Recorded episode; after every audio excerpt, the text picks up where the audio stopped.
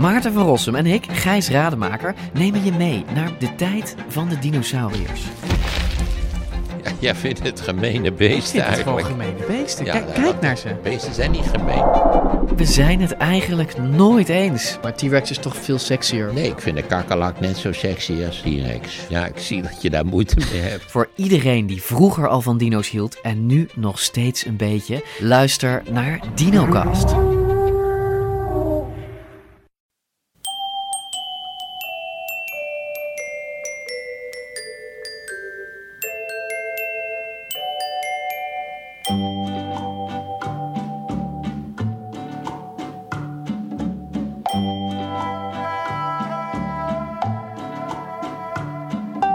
Welkom bij aflevering 99 van de Echt Gebeurd podcast, waar waargebeurde verhalen worden verteld door mensen die ze zelf hebben meegemaakt. In deze podcast een verhaal van Hans Berbé en het thema van de middag was de dood in de ogen.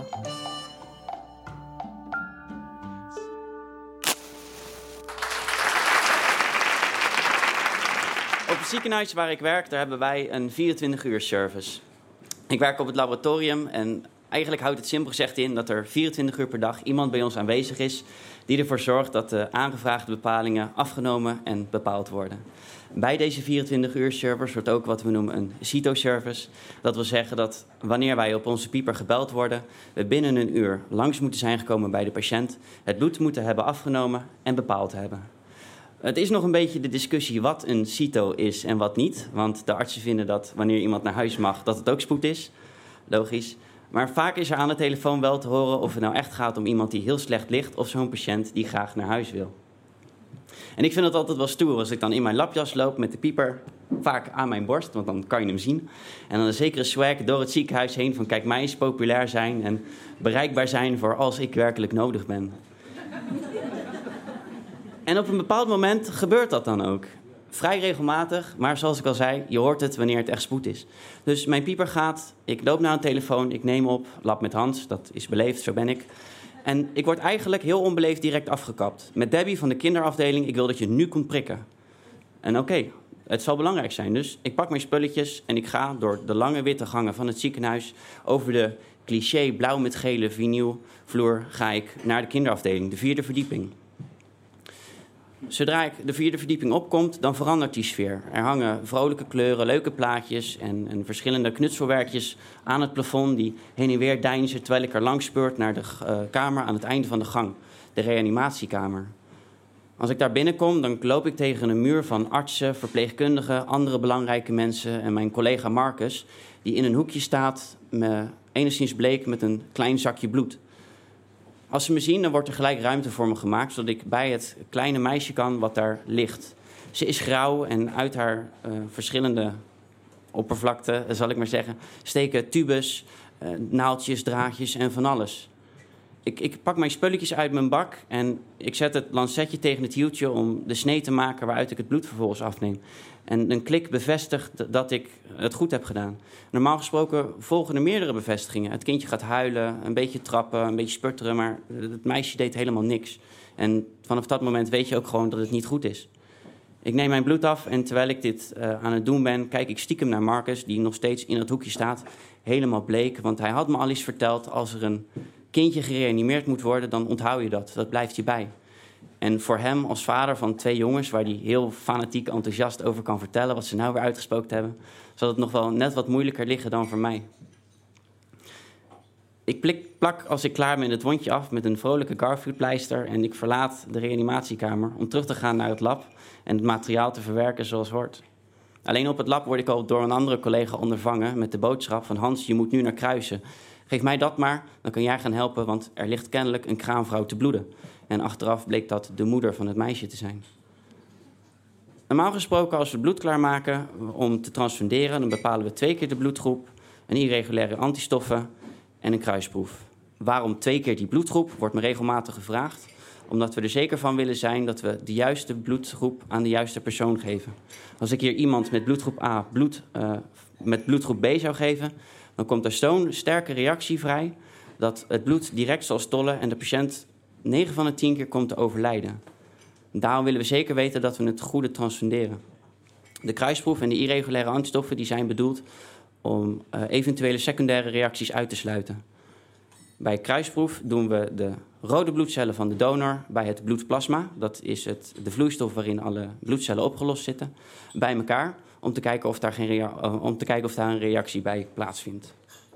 Ik kom dus aan op kruisen en weer een andere collega die doet me al voor de zoveelste keer rondcommanderen. Want ja, het zijn allemaal vrouwen, niks negatiefs.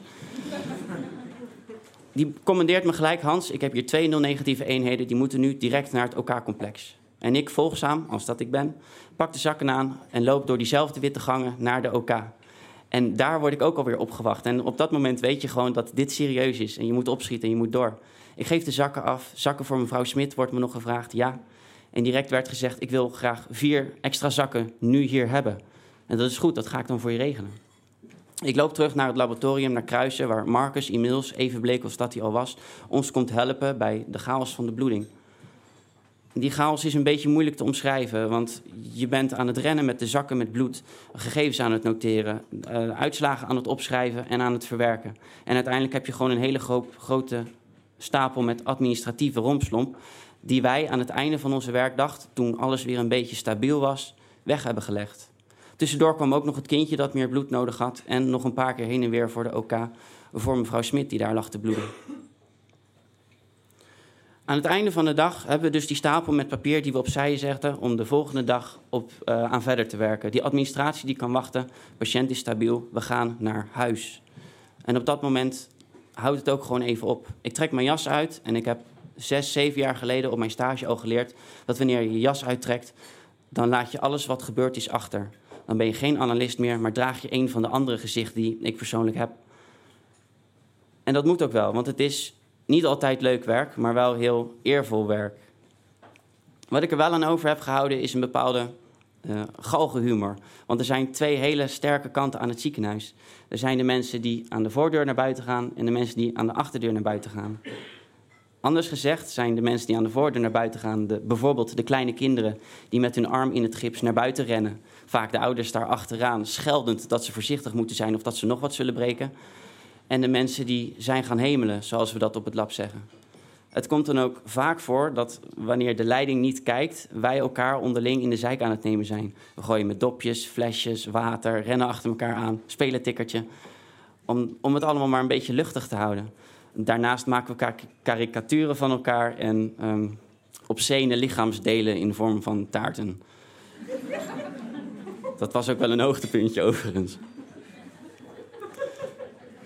De volgende dag, of niet de volgende dag, een week na deze gebeurtenissen, komt Marcus naar me toe met de boodschap: Mevrouw Smit is vandaag met haar dochter naar huis gegaan. En ik kan niet anders dan glimlachen. Want ik weet dat het niet mijn persoonlijke toedoen is waardoor mevrouw Smit en haar dochter weg zijn gegaan door de voordeur. Maar ik speel wel rol in het proces uh, wat ervoor zorgt dat ze het heeft gered. Een vriend van mij zei me recent: Ik ben gestopt met bloed doneren omdat ik het niet eerlijk vind dat ik mijn bloed gratis afsta en er een of andere directeur een dikke bonus voor krijgt. En dat vind ik een beetje een kortzichtige opmerking. Want in dit soort verhalen is het niet de directeur met de dikke bonus of de arts die kan zeggen: Ik heb vandaag weer een leven gered, die de winnaar zijn. De winnaars zijn de kraamvrouwen die de kans krijgen om hun kind te zien opgroeien. Dankjewel.